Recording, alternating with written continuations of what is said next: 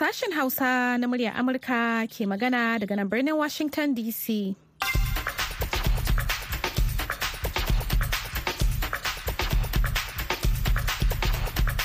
Masu sauraro, Assalamu alaikum barkanku da asuba da fatan kun waye gari lafiya. Hadiza kyari ce tare da Maryam Dauda da sauran abokan aiki muke farin cikin kasancewa da ku yau Juma'a 24 ga watan Fabrairu na shekarar 2023. Kafin ku ji abubuwan da muke tafa da su ga Maryam da kanan labarai. To Hadiza a ƙasar Ukraine ta faɗi cewa ta daƙile yunkurin Rasha na kama yankunan da ke kusa da fagen daga a gabashi da kudancin ƙasar. Kwana ɗaya kafin zagayowar ranar cika shekara ɗaya da mamayar Moscow. Adadin baƙin haure da ke zuwa kan iyaka Amurka da Mexico ya ragu kusan da kashi 40 cikin 100 a cewar hukumar shige da fice ta Amurka. Wani sabon rahoto da wasu manyan hukumomi huɗu na Majalisar Ɗinkin Duniya da Bankin Duniya suka fitar ya yi kiyasin cewa a duk minti biyu mace ɗaya na mutuwa a lokacin da take ɗauke da juna biyu ko kuma a lokacin haihuwa. Kanan labaran kenan.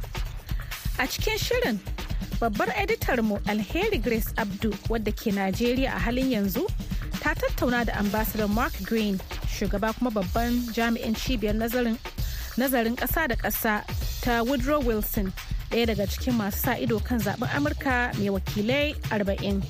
So this is important for Nigeria, important for young Nigerians, but I think the whole world.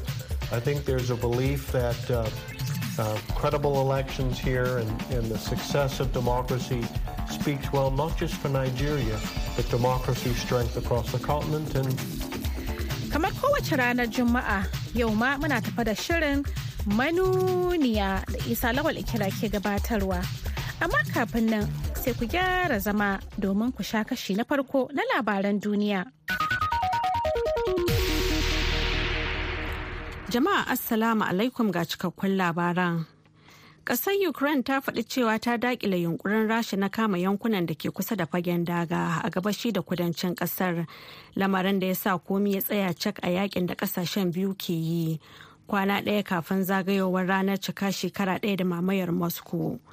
Rasha ce ke da iko da kusan kashi biyar na yankunan Ukraine, ƙasa da yawan hasashen da masana harkar soja da yawa suka yi a shekarar da ta wuce, yayin da tankunan yaƙin Moscow da yawa suka shiga yankin iyakar gabashin Ukraine ɗin.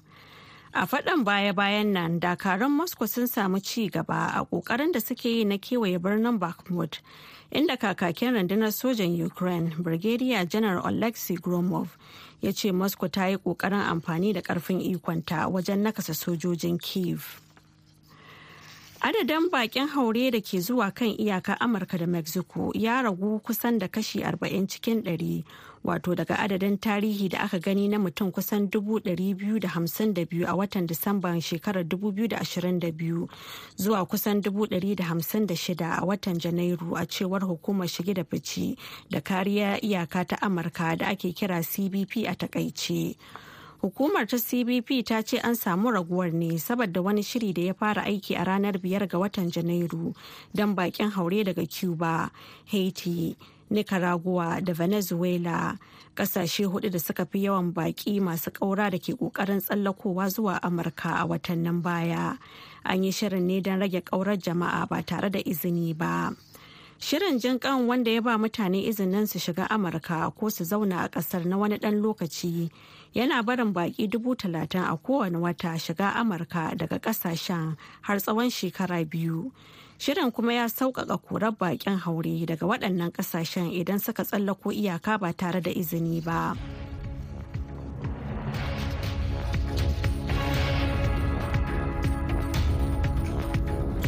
To madalla an jima kaɗan Maryam za ta sake shigowa da ci gaban labaran duniya. Amma kafin nan bari mu buɗe taskan rahotanninmu. Hukumar zaɓen Najeriya ta bayyana kammala shirye-shiryen babban zaɓe na ƙasa da za a fara gobe da na shugaban ƙasa da na 'yan majalisar tarayya. Zaben da tuni ɗaruruwan masu sa ido daga ƙasashe da ƙungiyoyin daban-daban na duniya suka isa ƙasar domin ganin yadda zai gudana.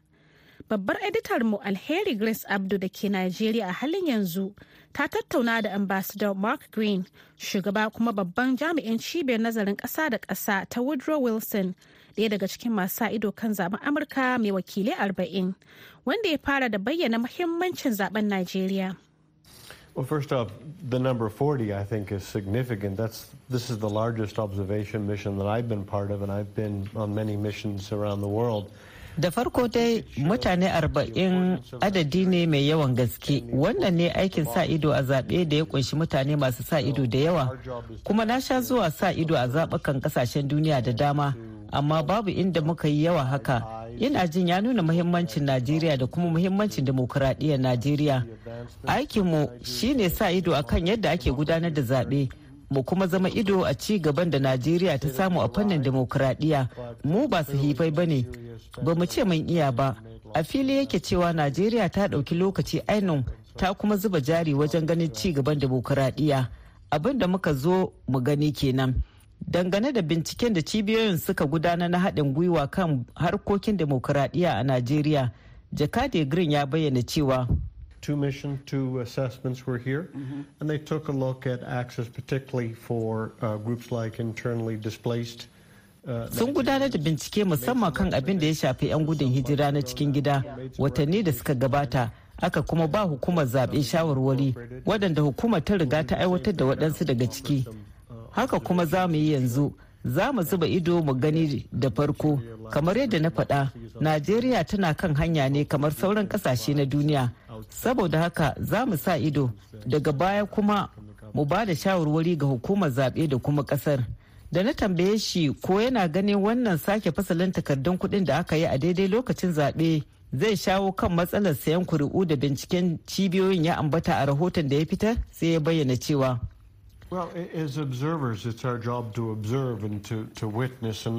A matsayin mu na masu sa ido, hakinmu shine sa ido ba za mu yi shaci faɗi ba. Lamari ne mai sarkakiya. Ko wannan zai yi tasiri abu ne da za mu jira mu gani. Najeriya wata ƙasa ce mai rikitarwa, ƙasar da take da harsuna daban-daban guda 500 da ƙabilu da kuma al'adu daban-daban. Sabili da haka, ƙasa ce mai sarkakiya ɗaya daga cikin abin da za mu yi shine mu haɗa hannu da hukumar zaɓe da kuma hukumomi wajen ƙarfafa demokaradiyyar ƙasar. Zahiri abin da kika ambata wani lamiri ne mai sarkakiya dangane da ko hukumomi sun aiwatar da shawarwari 23 da cibiyoyin suka bayar a rahotonsu da suka shafi zaɓe sai jakadi green ya bayyana cewa An aiwatar da waɗansu shawarwarin da muka bayar dangane da waɗanda suka ƙaurace wa matsugunansu waɗansu an aiwatar waɗansu abu ne da za a bi daki-daki. Na sani hukumar zaɓe tana namijin ƙoƙari duka mu burin mu ɗaya ne. Mun ji daɗin cewa an karɓi shawarwarin da muka bayar da hannu biyu ana kuma nazarin su. Za mu sa ido tare domin ganin ci gaban da za mu samu. Dangane kuma da shirin da hukumar zaɓe da jam'iyyun siyasa da ɗaiɗaikun jama'a suka yi na wannan zaɓe sai jakadi green ya ce Zan iya cewa daga abin da na ji na gani tun lokacin da na shigo ƙasar nan kwanaki da suka shige da kuma irin rawar da na ga ƙungiyoyin fararen kaya suke takawa abin ya burge ni ainihin. Ina jin akwai sauran aiki sai dai kamar yadda na ce najeriya ƙasa ce mai sarkakiya mun sani za a buƙaci lokacin yin aiki. Sai dai na sani an yi aiki sosai. Abin da ya burge ni shi da irin kishin ƙasar 'yan najeriya.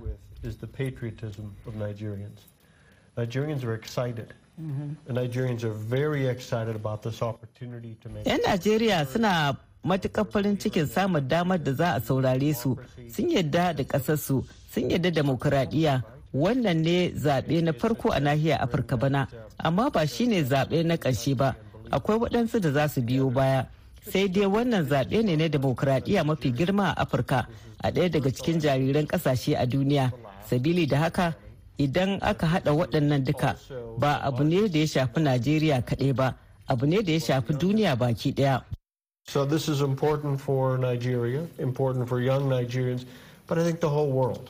I think there's a belief that uh, uh, credible elections here and, and the success of democracy speaks well not just for Nigeria, but democracy strength across the continent and Saboda haka wannan yana da muhimmanci ga Najeriya, yana da muhimmanci ga matasan Najeriya, yana da muhimmanci ga duniya baki daya.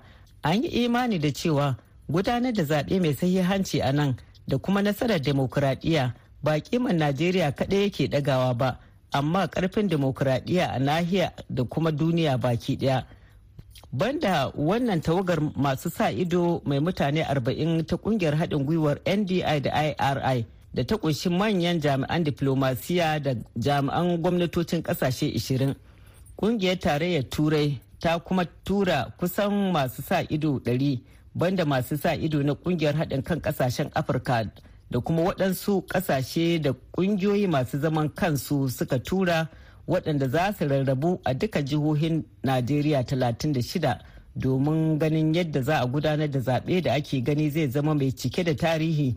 Kasancewa shine zaɓe na farko da aka samu 'yan takara tsayayyu daga waɗansu jam'iyyu da suka ɗauki hankali da samun gagarumin goyon baya banda jam'iyya mai mulki da kuma babbar jam'iyyar adawa. Alheri grace abdu murya amurka daga abuja najeriya Babbar editar mu Alheri Grace Abdi kenan a hirarta da Ambassador Mark Green ɗaya daga cikin masu ido kan zaɓen Amurka mai wakilai 40. Ga Maryam ta dawo da labaran duniya kashi na biyu.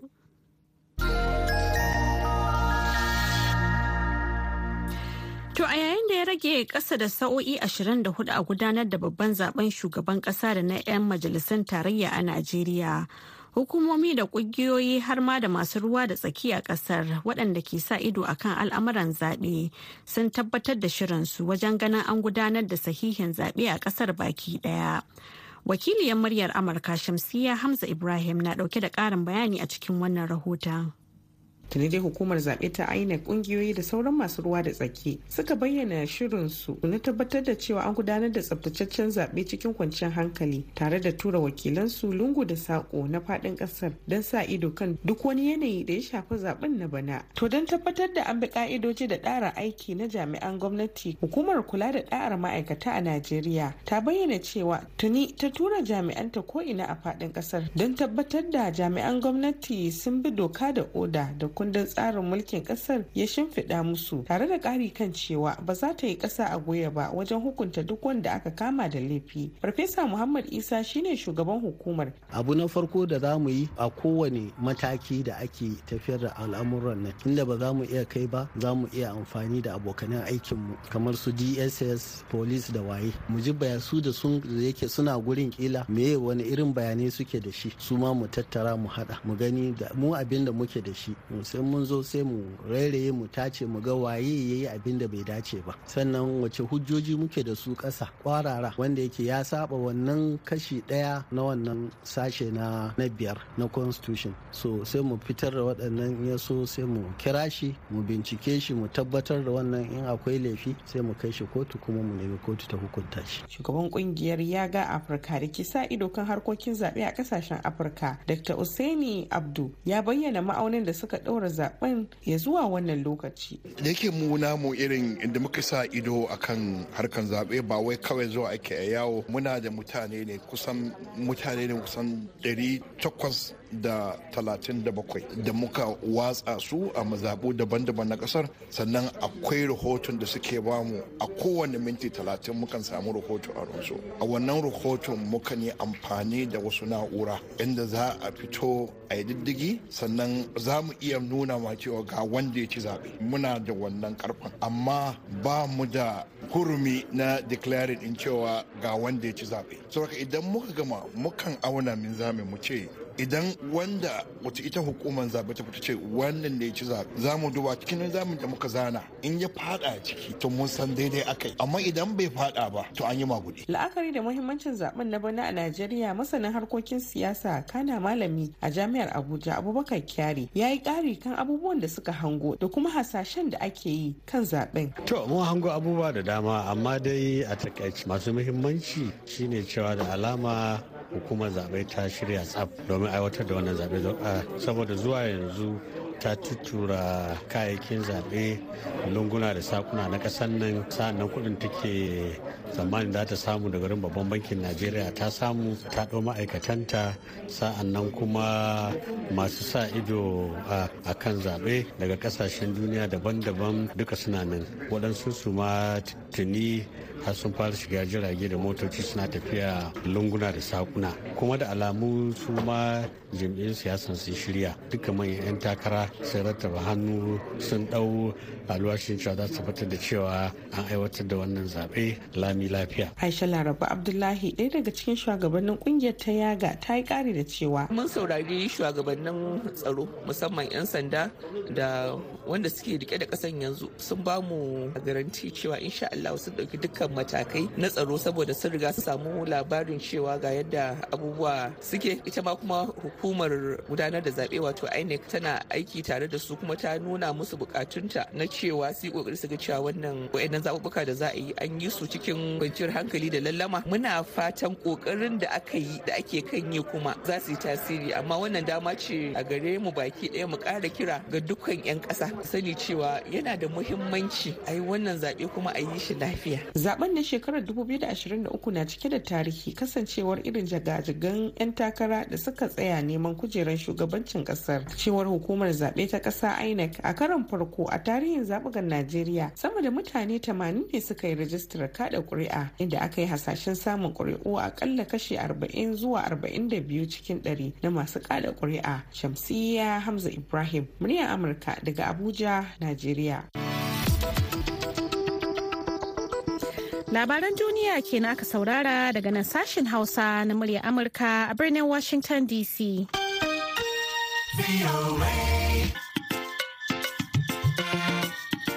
Yanzu kuma sai shirinmu na gaba. Al'umman Najeriya ranakun 25 ga watan Fabrairu da goma sha ɗaya ga watan Maris da ake ta dako dai na ƙara karatowa. Yayin da miliyoyin mutane a ƙasar ke shirin kaɗa ƙuri'a a wannan babban zaɓe na shugaban ƙasa da gwamnoni da 'yan majalisu.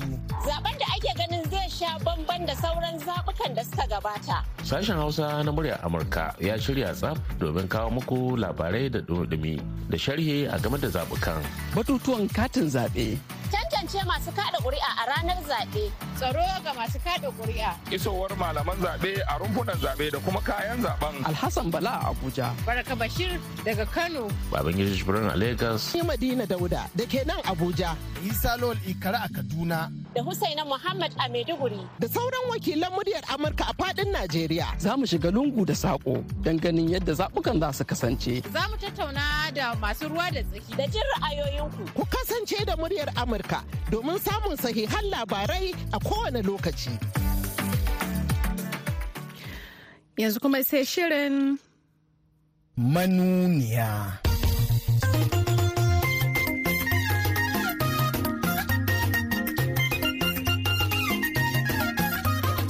ashe dai duk da zare sunan hajiya naja'at muhammad a cikin waɗanda za su yi aiki ƙarƙashin hukumar 'yan sandan tare najeriya har yanzu akwai sauran daru. Tun da an rantsar da ni kamar yadda aka rantsar da kowane kwamishina ba wanda ya isa ya hana ni aiki na me isa buhari bai sauka daga kan mulkinsa ba tun da yana goyon bayan apc shi kuwa shehun malami sheikh ahmad yusuf tijjani gurintin gaya wa malaman addini yake cewa su yi hattara da 'yan siyasa fa don za su iya barinsu da zaman zuru. Idan kai yanzu kana goyon bayan wani ɗan takara a matsayinka na malami. Idan wani ɗan siyasa ya ci mutuncinka su fa wadda kake goyon bayan su ba za su fito su taimake ka a faɗan ba. To don me kai in an taba shi kai ne zaka zaka fito kai kuma ka kare shi? Shi bai da ƴaƴa ne? Game da maganar mutsike matsalar tsaro kuwa al'ummar yankin birnin gwari ne ke cewa yanzu fa sun fara tattaunawa da 'yan bindiga wajen ganin an yi zaɓuɓɓuka lami kalau don dama ko a baya ma hakan ta faru. Ta hanyar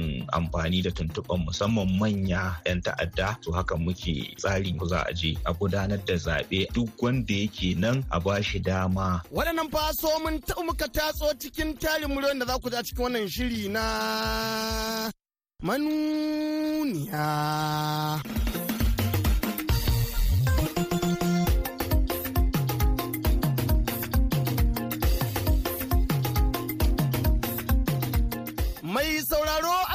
Alaikum barkamu da wannan lokaci kuma sanin mu da sa'ar sake saduwa a cikin sabon shirin manuniyan da ke tattaro muku sabbin labaru. Shiri na ɗari da shida cikin jerin shashiryen manuniyan da ke ƙoƙarin baje bayanan da za ku ƙaru. Ƙaruwar kuma amma da tarihin irin abubuwan da suka faru a duniyar siyasa a shekaru aru-aru. Ta sa masanin tarihin siyasa a Nigeria Dr. Shu'aibu Shehu Aliyu na gidan tarihi wato Arewa House a Kaduna ya tabbatar da duniya cewa rimba-rimba da rintan siyasa ko rigingimu fa an riga an san su a siyasa tun ma can a baya cikin wasu shekaru. Kaga a gwamnatin farar hula na farko da ta gudanar da zaɓe aka samu rikici ba ƙara samun rikici ba sai da gwamnatin NPN ta ƙara gudanar da zaɓe a dubu ɗaya da ita da tamanin da uku. Ana gudanar zaɓe sai aka ce a dama zaɓen da aka yi npn ta amfani da ƙarfin gwamnati ta magudi ta cinye zaɓe da ta ci zaɓe. Wannan ya jawo an rikici har mutane da yawa sun rasu a lokacin bayan zaɓen. Bayan wata uku sojoji suka kifar da gwamnatin.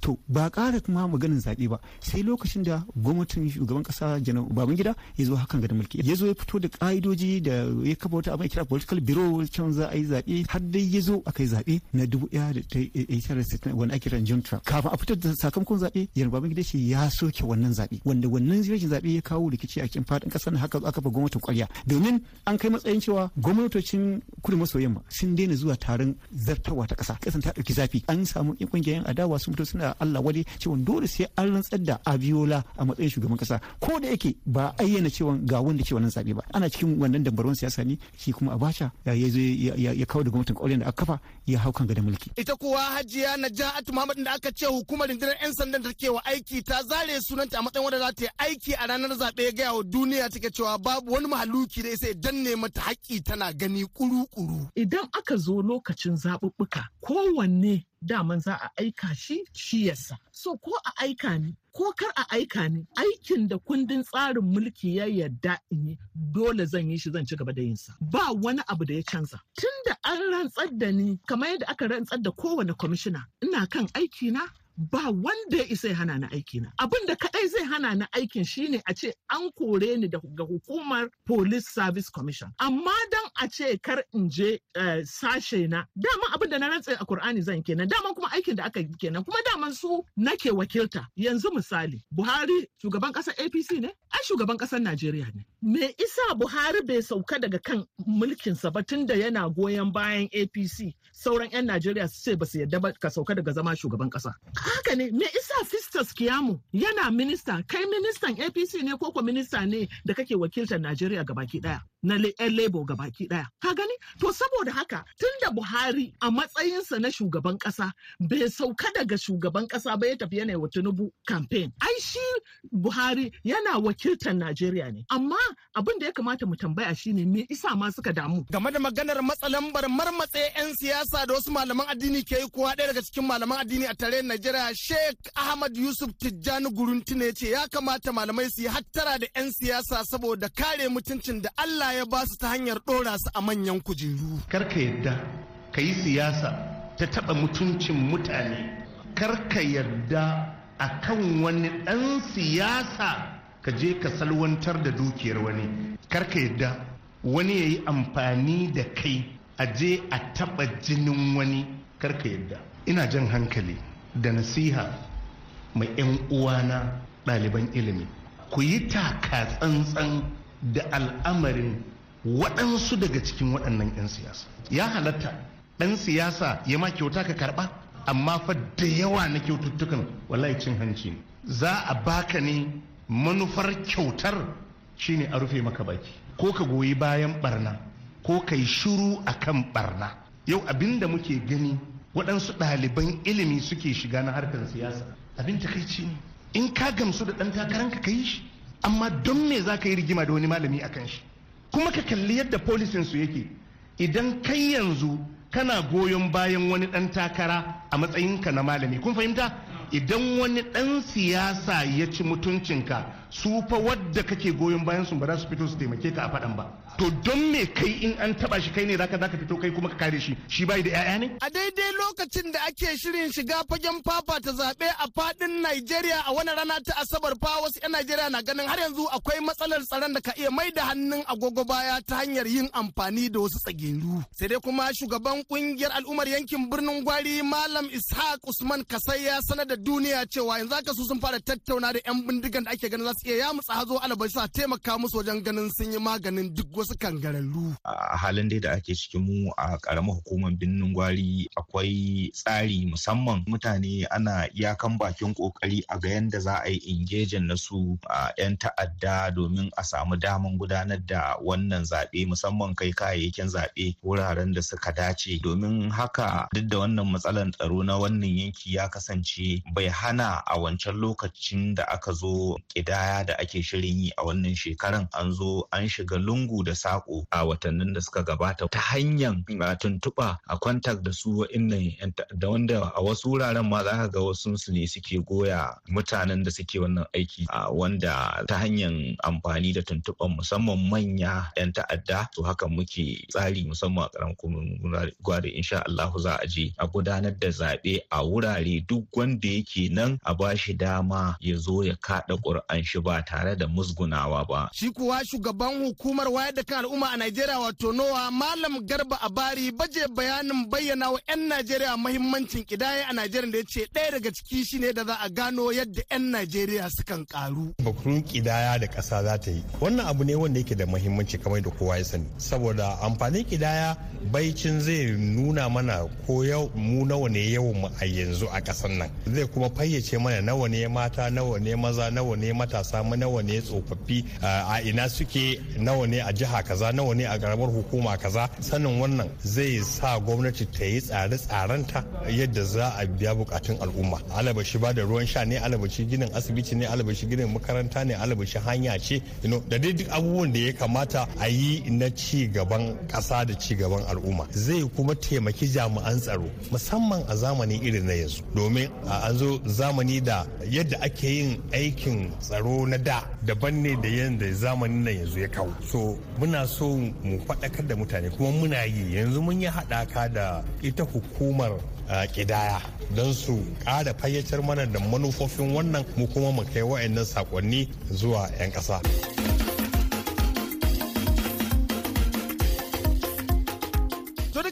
iyaka batutuwan da za mu iya baje muku kenan a cikin wannan shiri na manuniya. Sai dai kafin mu yi sallama sai mun sanar da dukkanin masu dafifin dafe madafa ikon da suke ganin sun miƙe akan manyan kujeru. Cewa daga juma'an nan fa saura kwanaki 94 ne su yi sallamar sakin kuɗin da suke ganin sun dafe domin babu wata damar yin wuru-wuru. Kuma a madadin dukkanin waɗanda kan taimaka wajen tabbatar da wannan shiri ya zo muku musamman dai abokan aiki Mahmud Ibrahim Kwarin jihar Kanawa da maman manuniya Madina Daudan da kan yi daudalar dawo da muryoyin da da su ne mukan hada dan ganin shirin na manuniya ya gyaru. Ni Isa Lol Ikara da kan shirin gabatar ne nake cewa sai kun mako idan Allah ya sake sada mu a cikin wani sabon shirin na manuniya.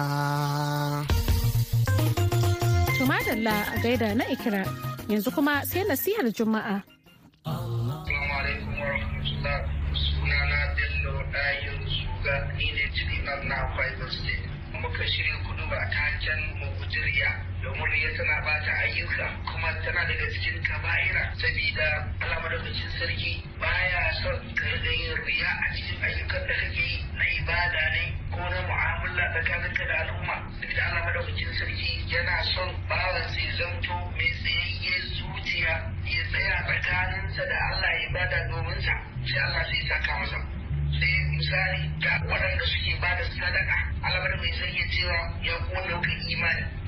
bata sadakar ku da gori da cutarwa kamar yadda waɗanda suke ce da duke su da mutane su gani. To irin waɗannan mutanen ba su imani da Allah ba ba su imani da ran tashin ba.